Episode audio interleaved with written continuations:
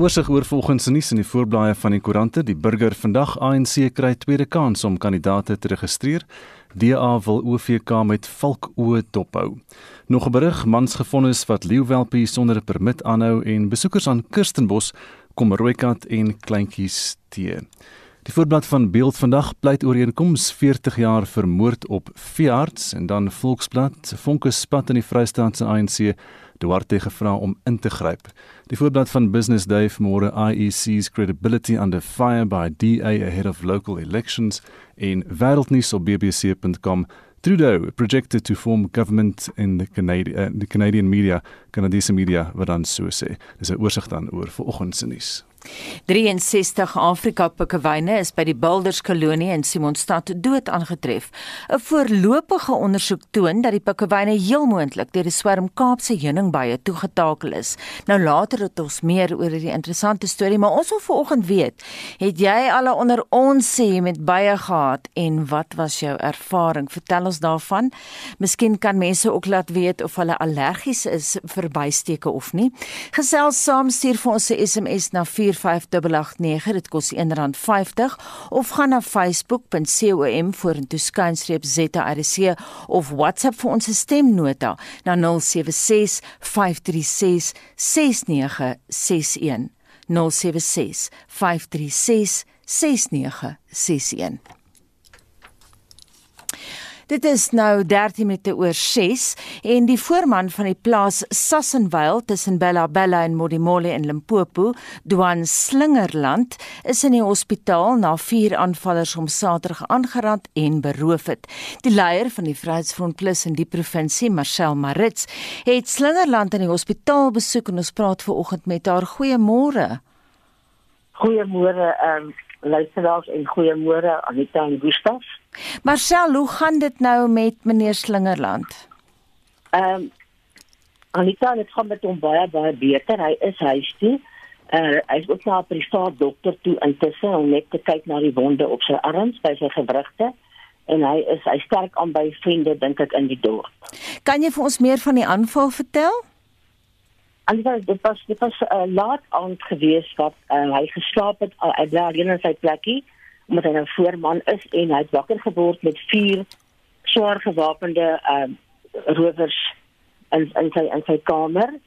Hy het hom toe deur die venster ge gegooi en ehm um, buitekant hom het hy rondgeruk en hy binnekant toe uh sy iPad en iPhone en 'n televisietjie, dit alles wat hulle kon bytmaak, bytgemaak en toe hulle wou wou loop het hulle die pistool teen sy kop gehou, sy voorkop gehou tussen sy oë en ehm um, met die genade het die skoot nie afgegaan nie. Uh en hy het natuurlik ehm um, besef weet hy is, hy hy lewe daai oomblik toe hy weghardloop en ehm um, sy kar toe gryp en sy kar toe vat 'n Paulo waarmee hy toe die toneel uh van verlaat het. Marcel sal hy die aanvallers uh, erken as hulle weer sien? Jonge het hulle klavers opgehad en jy weet die die hartseer ding Anita is 'n verskriklike jong as 'n jong kind, dis 'n jong seun wat graag wou begin boer en 'n verskil maak. Ek ek dink hy was gister toe ek hom besoek Sondag, geskoon tog. Uh was hy so geweldig getraumatiseerd. Hy kon nie regtig baie praat nie. Hy was regtig jy kon sien die kind het 'n groot skok gelei. So ek twyfel of hy werklik sal. Het die polisie enige idee wie betrokke kon gewees het? Die polisie het onmiddellik begin. Ek moet ek moet jou sê dat die speurtak was baie baie gou op die toneel en natuurlik ook ehm um, van die gemeenskap ehm uh, veilige sektor 2 van eh uh, GPS was daar ehm um, jong ons moet maar altyd iewers er is daar iemand uh, wat ehm um, op die plaas gewerk het eh uh, dit is binne binne inligting. Dit is maar altyd wat gebeur. Jy weet jy betree nie 'n plaas Anita en jy dra nie kennis van niks op die plaas nie. Jy moet tog 'n bietjie soos hulle sê inside info hê. Hoe lyk plaasaanvalle oor die algemeen in Limpopo op die oomblik? Weet jy, ek moet sê die laaste ruk en ek sê dit met groot groot respek en versigtigheid. Ehm um, is dit is dit ehm um, baie baie ehm um, stiller as vorige kere. Maar jy weet alite ons kan so praat en ek kan nou uh, op 'n punt ek hulle kan vir my sê daar's weer 'n plaas aanval dit dit verander in oomblikke. Met ons statistieke vir die jaar sover 17 aanvalle en waarvan een noodlottig was in Limpopo. Baie dankie. Ons sal daai storie dophou dit aan die leier van die Vryheidsfront Plus in Limpopo, Marcel Marits. Die Suid-Afrikaanse Inkomstediens sê daar is al hoe meer belastingbetalers wat oneerlik, onwettig en verdag optree. Die kommissaris van die SAID, Edward Kiswetter, sê hy het baie werk gedoen om nie nakoming te verminder en die diens glo meeste belastingbetalers is eerlik wanneer hulle hul opgawes invul. Die inkomste diens sê hulle het 38,3 miljard rand hulpmaatreëls toegepas en meer as 40 bykomende verbeterde tegnologie-elemente op hulle digitale platform bekend gestel. Kieswetter tydens die opening van die tweedaagse Indaba van die Suid-Afrikaanse Belastinginstituut gepraat. Die Indaba vind jaarliks plaas. It is our aim to select the honest taxpayers for a seamless service and to detect the dishonest or negligent taxpayers for further investigation. And of course, using data, artificial intelligence, and machine learning to augment human effort is central. Sadly, corruption in society continues to be a menace in all of our organizations, and it's important that we are all co creators of an ecosystem that is free of corruption. Kiesvetter het voorbeelde gegee van wat hulle doen om nie nakoming te beveg. A total of 1.7 million returns were detected in the past year for audit and verification through the SARS risk engines. And this yielded additional revenue of 57.2 billion. Revenue that would not have been collected had it not been for the work and the efforts of SARS. We've also detected 26,000 potential individuals with cash flows in excess of a million rand that were not on our tax register. Die uitvoerende hoof van die Suid-Afrikaanse Belastinginstituut, Keith Engel, sê die land se ekonomiese herstel sal lank en stadig wees. Engel glo die land is in 'n beter plek as 2017, maar die regering beweeg nie vinnig genoeg om ekonomiese druk te verlig nie. Die tema van vanjaar se indaba is om die belastinggaping nouer te maak. Dit weerspieël die inkomste diens se oorkoepelende doelwit om sy inkomste teikens te bereik. Engel sê besteding sal konservatief bly. But what's the price? Well, you've got no new taxes, but we've had declining revenues for various reasons. So what can happen? Well, here we see spending. Spending is basically being frozen as much as possible. And that's being taken out on the public wage. The SOEs where we see a little bit of sell-offs, but they're mostly locked in place, and there's some pressure to produce something different there. Belastingkenners by die Indaba sê intussen die belastinggaping is nou 200 miljard rand of 4% van die bruto binnelandse produk. Kyle Mandy is 'n belastingkundige by PwC. Today's numbers and you're looking at 40 billion rand plus on the VAT side and, and frighteningly they estimated that tax gap from a corporate tax perspective at around about 2% of GDP. So we're talking numbers north of 100 billion rand on corporate tax. And then from a personal income tax point of view, there was also a recent study done by the University of Stellenbosch, and they estimated that tax gap at around off to about 46 billion. We're already getting to the 200 billion rand level uh, in, in terms of the tax gap. Ander kwessies wat by die Indaba bespreek sal word, is onder meer etiek en die standaarde van belasting, die belasbaarheid van kriptobates en maatskappybelasting. Amina Akram van ons finansiële redaksie het hierdie bydrae verskaf en ek is Hendrik Martin vir SAK nuus. Raad op inwoners van Vista in Erlich Park in Bloemfontein staan saam om verouderde infrastruktuur in stand te hou. Hulle sê die Mangaung Metro doen eenvoudig nie die nodige herstelwerk nie. Annelien Moses doen verslag. Bekommerde inwoners rol moue op om hulle burgerlike plig na te kom.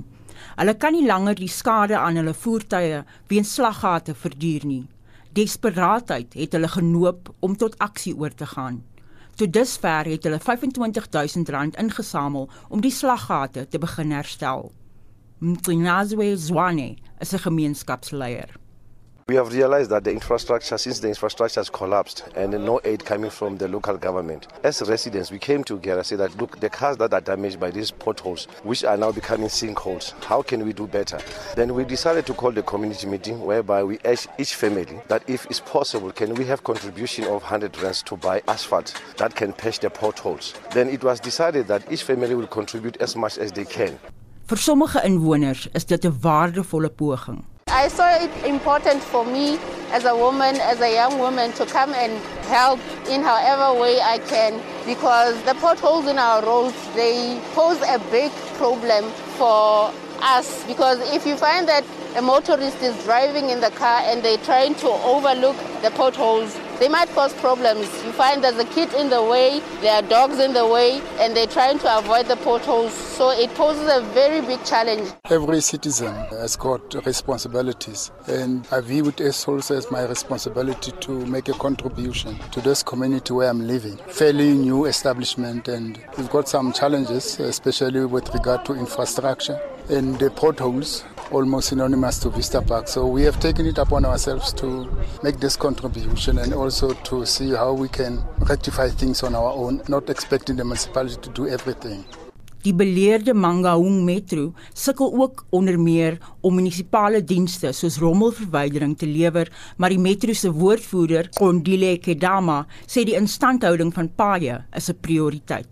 No, there's nothing wrong with uh, members of the community working with the municipality or taking certain initiatives.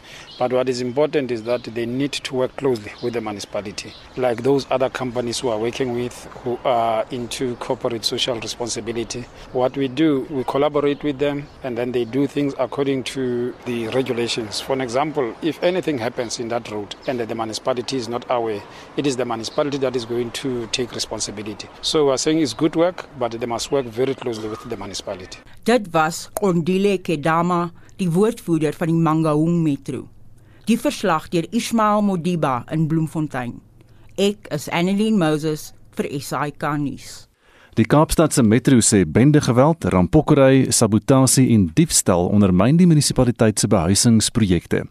Die stad se direktoraat vir menslike nedersettings sê dat dit die afgelope 2 jaar meer as 131 miljoen rand aan behuisingsprojekte bestee het. Projekte wat deur die toenemende misdaadneiging geraak word. Die stad sê sommige ontwrigtings was gewelddadig en het lewensverlies, beserings en saakbeskadiging tot gevolg gehad. Die bou van sowat 1800 eenhede in Beacon Valley is uitgestel. Dieselfde geld vir meer as 400 behuisingseenhede in Backstage en 7000 ander in Monwabisi Park in Khayelitsha. Die metro sê die grondbesetting, rampokkery en bendebestaat het die projekte vertraag. Die stad sê dit is dieselfde soort misdaad wat in ander dele van Kaapstad gesien word. Die stad se burgemeesterskomitee lid vir menslike nedersettings, Malusi Boy, sê in sommige gevalle het ontwikkelaars weens die rampokkery onttrek. About two years ago, we were supposed to have started civil works so that in the next year, which is 2022, we can be able to start with the top structures of 1,800. It's a citywide problem, and we have invested now more than 143 million rands on making sure that we secure these sites across the city. It's not only extortion, it's invasions as well that has deterred many projects. Die stad sê dit hou nou spesifieke verwikkelinge dop. These invasions, some of them are orchestrated by people whom we believe that they're doing shack farming, meaning that people are getting rent from people, they put up structures, and these people who have lots of money because they put up quite a number of structures and then they rent them out uh, to those vulnerable members of community. And now they are making a business out of it. So we are trying to deal with it. Boy sê die stad sal 143 miljoen rand aan privaat veiligheid bestee maar dit is geld wat gebruik kon word om meer huise te bou. Hierdie bydra van Thandiswa Mau in Kaapstad. Ek is Vincent Mufokeng vir SAI Garnis. Bysteke dis waaroor ons vanoggend praat na aanleiding van daai bye wat so deurgeloop het in Simonstad en ons wil weet wat is jou ervaring daarvan Marlenae het ons baie terugvoer. Inderdaad Anita op die SMS lyn skryf 'n anonieme luisteraar skeerders was besig om skape te skeer toe bye toeslaan en skeerders hardloop uit die stoor en jy sien net skerre en halfgeskeurde skape hardloop die werf vol. Dit was chaos. Dan skryf Ansie uit Lichtenburg, ek wil talle kere teen heuningbye te staan gekom, word glad nie gesteek nie, inteendeel, hulle kom sit op my en drink graag suikerstroop uit my hand uit. Ek glo by kan aanvoel of jy goedgesind is teenoor hulle. Dis nou haar persoonlike mening. Sy sê dis een van die natuur se wonder aan ons. Los hulle uit en hulle los jou uit. Maar Patrice sê my dogter was 8 jaar oud en 'n klomp bye het haar gesteek en as gevolg van die bysteke het sy allergie vir die meeste antibiotika ontwikkel. Daar's ook verskeie stories op Facebook. Ek lees een hierso van Beatrix Rademeier wat skryf: Ek was nog op skool toe ek saam met my ma na 'n begrafnis op 'n afgeleë plaas gegaan het. Die kus was vol pragtige blomme en terwyl die draers met die kus na die graf op pad was, het 'n swerm bye verbygekom en op hierdie blomme en die ses draers toe gesak en ons het ons uit ons skoene uitgehardloop vir hierdie bye. Die kus was 'n ruk later eers in die graf geplaas. Sal dit nooit vergeet nie. Jy kan saampraat deur ons 'n SMS te stuur na 45889. Dit gaan jou R1.50 kos. Kan ook saamgesels op Monitor en Spectrum se Facebookblad of jy kan 'n stemnota van ons WhatsApp na 0765366961. Dis 0765366961. Nie minder as 11 nuwe vakke word beplan vir die kurrikulums van universiteite in hele Suid-Afrika. Nou vir meer oor wat dit als behels, praat ons nou met Dr. Linda Meyer, direkteur operasies by Universiteite Suid-Afrika. Môre Linda. Goeiemôre. Van waar kom die besluit? Die besluit is geneem met die sektor, ehm um, en dit is ook aangeneem deur die kwalifikasie instansies om te besluit wat sou beter uh, studente toerig om die arbeidsmark in te tree. Jy praat nou oor die arbeidsmark, is dit waarop alles geskoei is om vir mense die kans te gee om werk te kry? Absoluut. Ek dink ons almal is uh van die uh, jy weet baie bewus dat ons nie meer kan geld spandeer op studente wat deur universiteite en TV colleges en al hierdie uh, tipe instansies gaan en dan nog steeds nie werk het op die einde van dit nie. Ons sit amper met 'n 10% ehm um, unemployment rate vir mense wat gegradueer is. Ja, dit help ook nie om iets uh, te studeer wat jy nie later kan gebruik op praktiese vlak nie. Ons het al 'n onderhoud daaroor gevoer, Linda. Ja, nee, absoluut. So die die belangrike ding is nou dat ons begin kyk vir wat dit is wat die werksplekke nodig het. Dat ons nie meer vir mense sê wat se kwalifikasie hulle doen nie en hulle doen nie meer kwalifikasies wat hulle gedoen het ons ouers nog dieselfde deurkom eh uh, kurrikulasie gedoen het eh uh, en deur gekom het nie. So ons moet nou kyk wat is dit wat nodig is om die ekonomie te groei, om die regte eh uh, skillsets reg te kry sodat ons die mense kan produseer wat die ekonomie kan groei en wat die mense regtig in diens wil neem. Dan nou jy praat nou van werksplekke. Het werknemers nou ook kans gekry om insette te lewer oor wat hulle benodig? Absoluut. So so die die kwalifikasieraad vir ambagte en beroepe, die QCTO, is is soos ons almal weet, een van daai ons het die ou uh, wat ons genoem het die apprentice system gehad.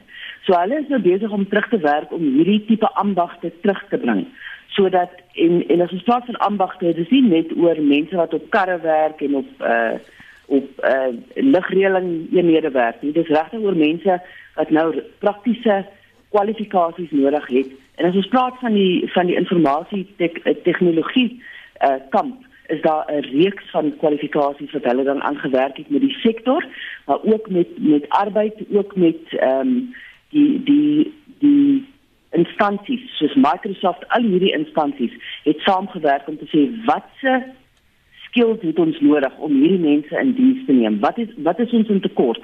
Waar is daar geleentheid om mense grootskaals in diens te neem in hierdie in in hierdie velde. Lena, jy het nou nie elke liewe vak te noem van die 11 nie, maar net uh, oor hoofs watter vakke is ter sprake? Is jy verwys na ambagte? Watter vakke is hier ter sprake? Ja, so die so die vakke kom uit hierdie uit hierdie spesifieke velde uit en hulle is regtig oor data, wetenskap, kubersekuriteit, ehm um, kunsmatige intelligensie, ehm um, internet ons noem dit die the internet of things die internet van dinge mm. uh robotika al hierdie nuwe velde wat nou besig is om ons wêreld om om in ons wêreld in te uh assimileer. Uh eie aanvalle um, ons ons almal weet hoe hoe, uh, hoe ons elke dag hierdie phishing ehm um, e-pos te kry en al hierdie ander goed waarmee ons moet werk. Ek wil nou net sê soos wat jy praat Linda, klink dit soos vakke vir ons tyd, vir en van ons tyd.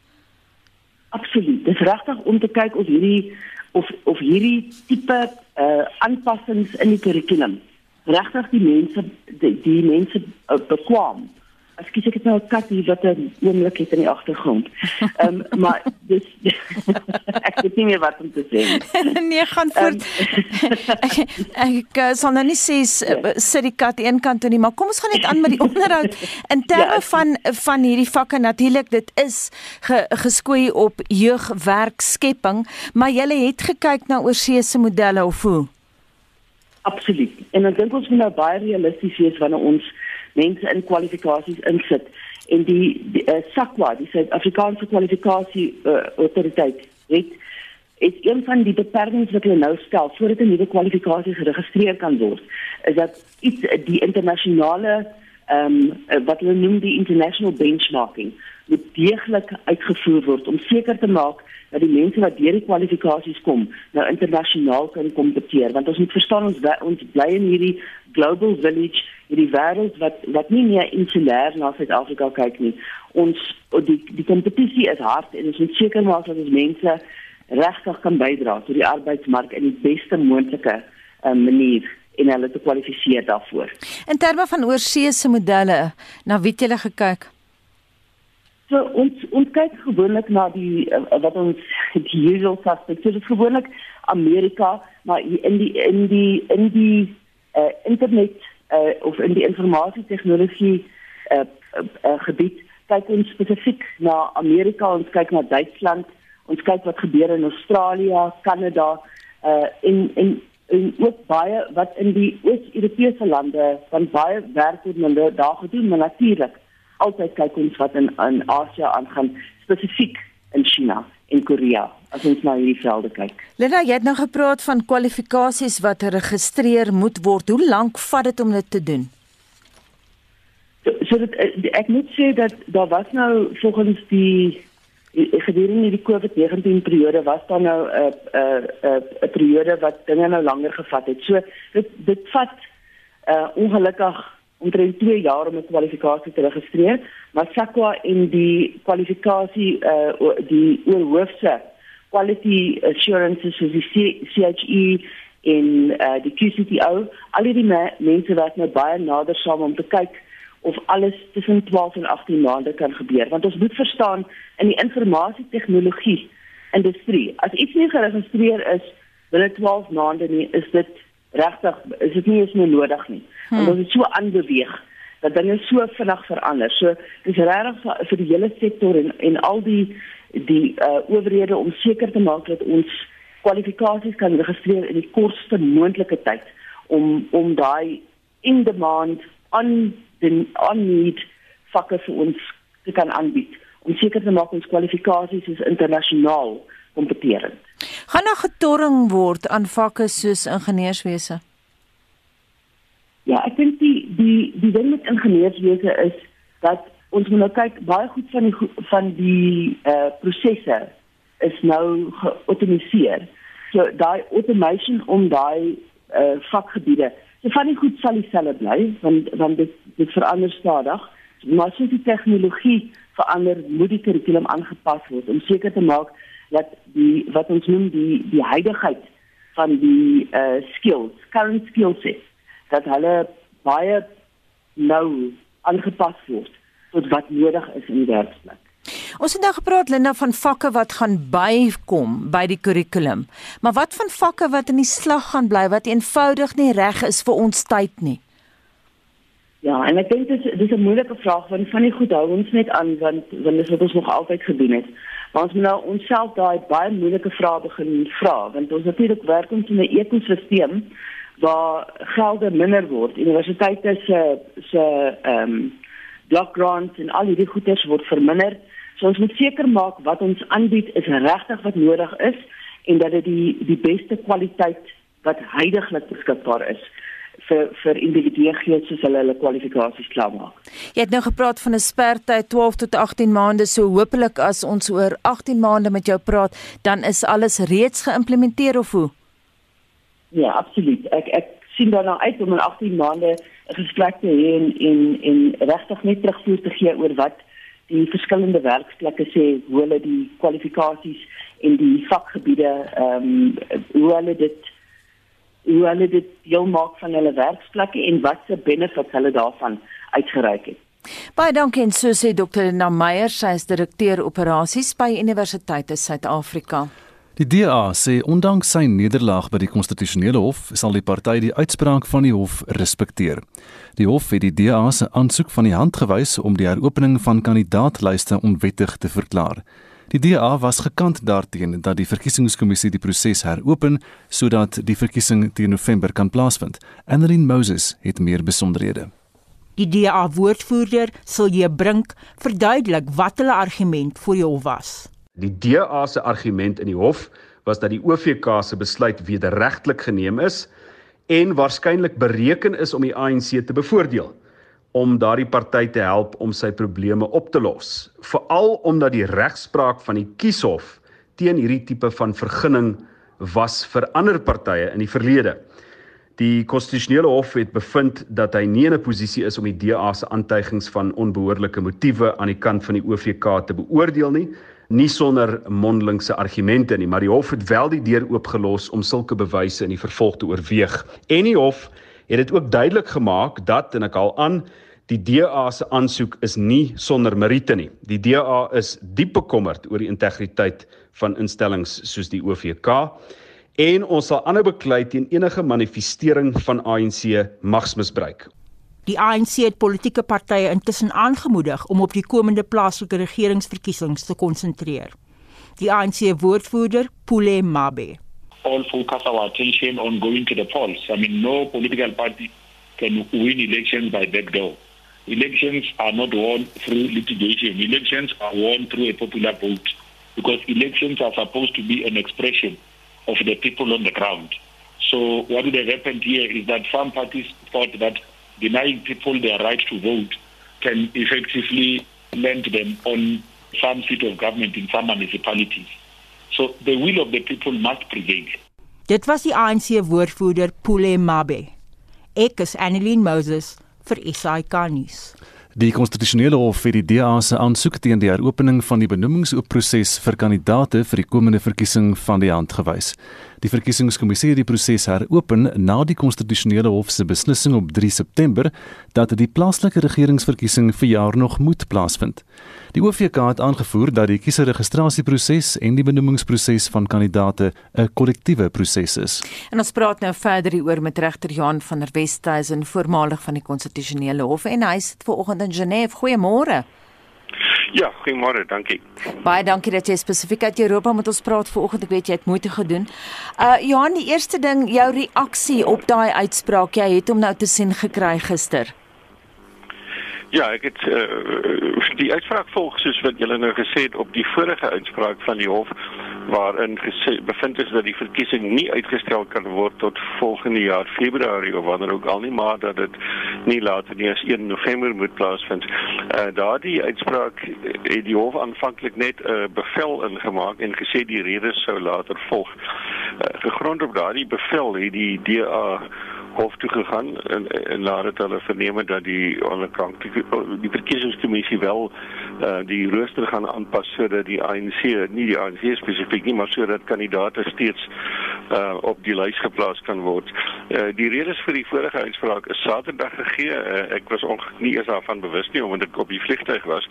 Maar wat gister gebeur het is dat die hof soos wat julle gesê het, het die aansoek van die DA van die hand gewys ehm um, omdat uh, en gesê die kandidaatelyste kan wel oopgemaak word indien die uh, verkiesingskommissie so sou besluit.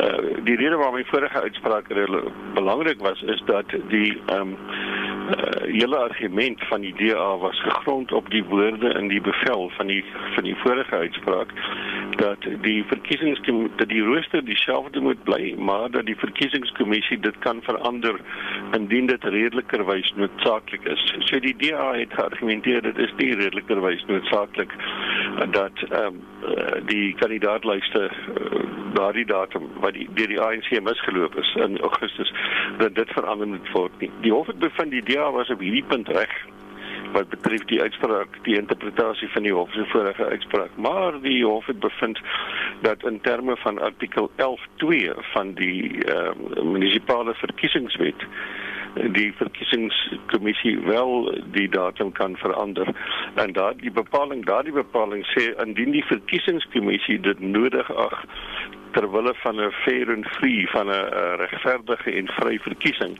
hulle datums kan aanpas.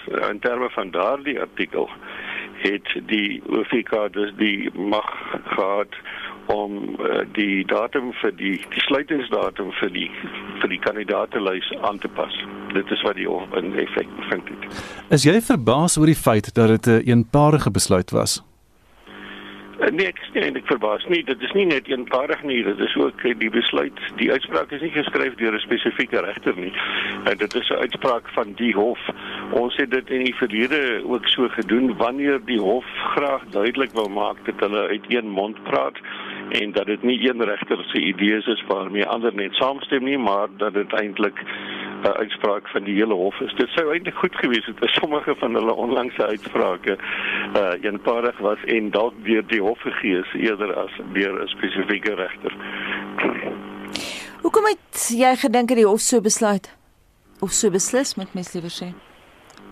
Eh, ek sê jy reg nie meer gehoor nie, vra weer. Hoekom dink jy het die hof so beslis? Ek dink die hof het so beslis omdat uh, dit die interpretasie is van die um, uh nie net van die vorige bevel nie en soos ek sê in daardie opsig het hulle vir die ANC vir die DA beslis maar het beslis dat dit nie die einde van die saak is nie en dat die ehm um, verkiesingskommissie wel daardie reg het in terme van die munisipale verkiesingswet. Uh ek kan geen rede vind ek, ek wil nie graag sê of ek saamstem met hulle beslissing en of ek dink hulle interpretasie reg is nie. Ek het ook nie al die argumente aangehoor wat voor hulle was nie, maar ek dink nie mense sou kon aflei uh dat dit 'n besluit is wat geneem is met met bymotiewe nie. En dit is waarskynlik hulle interpretasie van die um, van die wet. Nou die uitspraak raak alle partye. Wat is die implikasie van die uitspraak vir die politieke proses in die verkiesing nou? Uh wel ek is nie so goed op hoogte met die wat die hmm. presies die politieke proses is nie maar dat dat kandidaate steeds geregistreer kan word. Die party wat die grootste belang daarby het, is die ANC omdat 'n hele klomp van hulle kandidaate in in kiesafdelings in munisipaliteite wat voorheen sterk ANC was, nie betyds ingedien was nie en dat hulle met ander woorde al daardie sou verloor. Uh maar hulle is nie die enigste party wat daardeur geraak word nie. Ek ek wil net terloops noem dat die partye wat nou verloor het, uh is die DA en saam met saam met hulle was Julius Malema se EFF en die Inkatha Vryheidsparty maar voor die hof op een van die partye wat vir die hof was nie 'n politieke party nie maar een van die litigasiepartye is die organisasie Freedom Under Law waar regter Johan Kriegler 'n baie belangrike rol in speel en hulle was byvoorbeeld uh, nie ten gunste van die DA se aansoek uh, dat dit uh, verkeerd is onwettig is van die verkiesingskommissie om die uh, datum te verskuif nie. Uh, die verkiesingskommissie het blykbaar in hulle verklaring vermeld dat by hulle eie vergadering ook partye soos die Vryheidsfront Plus nie gekant was daarteen dat hierdie datum verskuif word nie. So ek dink die mense moet dit nou net sien as 'n as 'n stryd tussen die ANC en die DA en dat die hof nou aan die kant van die ANC was nie. Uh soos ek sê of hulle korrek was of nie, wel ek weet nie oor uitspreek nie, maar ek dink dit is 'n bona fide uitspraak gegrond op wat ehm um, wel voor hulle was. Baie dankie so sê regter Johan van der Westhuizen voormalig van die konstitusionele hof. 'n Voorlopige ondersoek dui daarop dat die 63 brilpikkewyne van die Bilderskolonie in Simonstad gevrek het nadat hulle deur 'n swerm Kaapse bye gesteek is.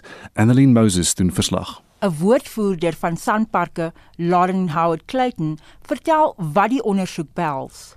So currently, together with our partners from Sandcob as well as the city of Cape Town, we are still conducting postmortem tests to rule out any other diseases that might have occurred within the area. But for now, it, our assumption is that the penguins were stung from Cape honeybees, and that is the preliminary cause of death at this stage. Howard Clayton sê dit is die eerste keer wat so iets by die Boulders Pikkewyn kolonie gebeur. As far as we're aware, this has never happened before at Boulders with the penguins. It is an unusual incident because penguins and bees usually coexist. So Cape honeybees are usually found in the area to collect pollen and they've never been aggressive. So it could be, or we're going on the assumption that the beehive or the nest was disrupted and that's what caused the bees to flee and unfortunately the penguins were in the flight path. Die navorsingsbestuurder by die Nasionale Stichting vir die Bewaring van Seevoëls, Dr. Catalodinia, sê die gemiddelde grootte van die Afrika pikkewyn wat so wat kniehoogte is, is een van die redes hoekom hulle nie die bysteke kon oorleef nie. So it is quite a large number of stings. So, I mean, some of the birds had over 30 stings. So basically, that probably would have killed even bigger animals. We tried to read up how many stings kills a human. And um, so, yeah, it's probably more the amount of stings that uh, was basically sufficient to kill. It was obviously, it was not like, you know, the odd little honeybee flying around. It was basically an ag aggressive swarm that attacked them. So it must have been several hundred of bees. Ludinia sê daar moes 'n groot ontwrigting by die byenes of korf gewees het vir die insekte om so aggressief op te tree. The nest of the hive has not been found. So we don't know whether it was, you know, somebody cutting down a tree or whether it was an animal. Like, I mean, you could have a porcupine or something going into a nest. We don't know what happened that caused that actually triggered the bees to swarm like that. But yeah, it must have been a major disturbance. And then the penguins were basically just in the flight path of the bees, so it was more a matter of being in the, the wrong place at the wrong time. Sy sê die sterftes is 'n groot bron van kommer omdat die Afrika pikkewyn 'n bedreigde diersoort is. We are losing several thousand breeding pairs every single year. So just over the last 2 years we've lost over 3000 breeding pairs. So for 60 birds to basically die, which means possibly 60 pairs being disrupted and not successfully breeding, that is obviously a problem for a species that is facing so many other threats. So we don't think that bees, you know, are or will become a major threat for the African penguin. It just kind of shows that the species that is already struggling so much, um, you know, sometimes it just takes a freak incident like a, a bee swarm to really you know have a, a knock-on effect. 'n Voormalige byeboer met meer as 50 jaar ervaring, Nico Langenhoven, verduidelik dat hittestres en vreemde reuke van die redes is waarom bye aggressief raak. Wanneer die bye versteur word, daar waar hulle hulle gevrees dat 'n nes is, het sy deur daarin te stamp, byvoorbeeld 'n rafel wat die nes op probeer uithaal. Hy kom nie ongeskonde daar uit nie want die bye is baie aggressief, maar enige aktiwiteit enigiets wat die bye versteur, stamp en ander goeders wat aan die bye raak en die kop versteur dat sal maak dat die bye aggressief word. Langenhoven sê ook dat die pikkewyne vanweë hulle grootte nie 'n kans gestaan het teen die swermbye nie. In die geval van voëls en dan die pikkewyne tot so min as 10 bye sou vir hulle met 'n klein liggaam sou vir hulle fataal wees. Hoe kleiner die dier, hoe makliker sal hy doodgesteek word. 'n Kanarie en 'n koetjie voor die dier sal heel waarskynlik nie veel meer as twee steke kan verdra nie. Dit was 'n byekenner wat 50 jaar lank met bye geboer het, Nico Langenhoven. Ek is Annelien Moses vir SAK nuus. Intussen fokus ons op bysteke vanoggend, maar Lenay, hoeveel van ons luisteraars is al deur bye gesteek? Is al baie terugvoer? Daar is regtig baie terugbevoer veral van mense wat allergies is vir bye en stories daaroor deel. Dan is ook mense wat raad gee soos hierdie anonieme luisteraar op die SMS lyn die skryf as jy 'n by hoor staan net stil moenie hardloop nie. Ek doen tuinwerk en is nog nie een keer gesteek nie. 'n Natuurkundige het boonop gesê as bye dood is sal ons ook nie lewe nie. Alta van die Weshuisen skryf op Facebook ons het gereeld bye wat hulle intrek neem by ons bome op die plaas. Die probleem is my man is baie allergies vir hulle en dit kos ons elke keer 'n klomp geld om hulle te laat verwyder. Laat my seun kursusse geloop om hulle uit te haal en in byekaste te sit en vel toe te vat. Ons hou duim vas dat dit gaan werk. En dan is daar tragiese nuus uit Komatipoort. Ons kry verskeie SMS'e hieroor. Die een is van Maritza eis. Sy sê Tannie Maria, die tannie wat die beste koeksusters in die wêreld gebak het, is Saterdagoggend tragies dood toe sy deur 'n swerm bye by haar huis getakel is. Haar man oom Ben is hospitaal toe gejaag, steeds in die Nelspruit Hospitaal. Die gemeenskap rou oor hierdie vrou van staal. Jy kan vir ons 'n SMS stuur om saam te gesels oor jou ervaring met bye 45889 teen R1.50. Kan op Monitor en Spectrum se Facebookblad saamgesels of jy kan 'n stemnota stuur na 076 536 6961. Dis 076 536 6961. Bly ingeskakel want na 10 oor 7 praat ons oor uh, hoe die afgelope registrasie naweek gevorder het en ons praat ook oor die Britse Hoogkommissariaat uh wel die regering liewer se besluit dat Suid-Afrika op die Verenigde Koninkryk se rooi lys bly en dit bring ons by 7 uur.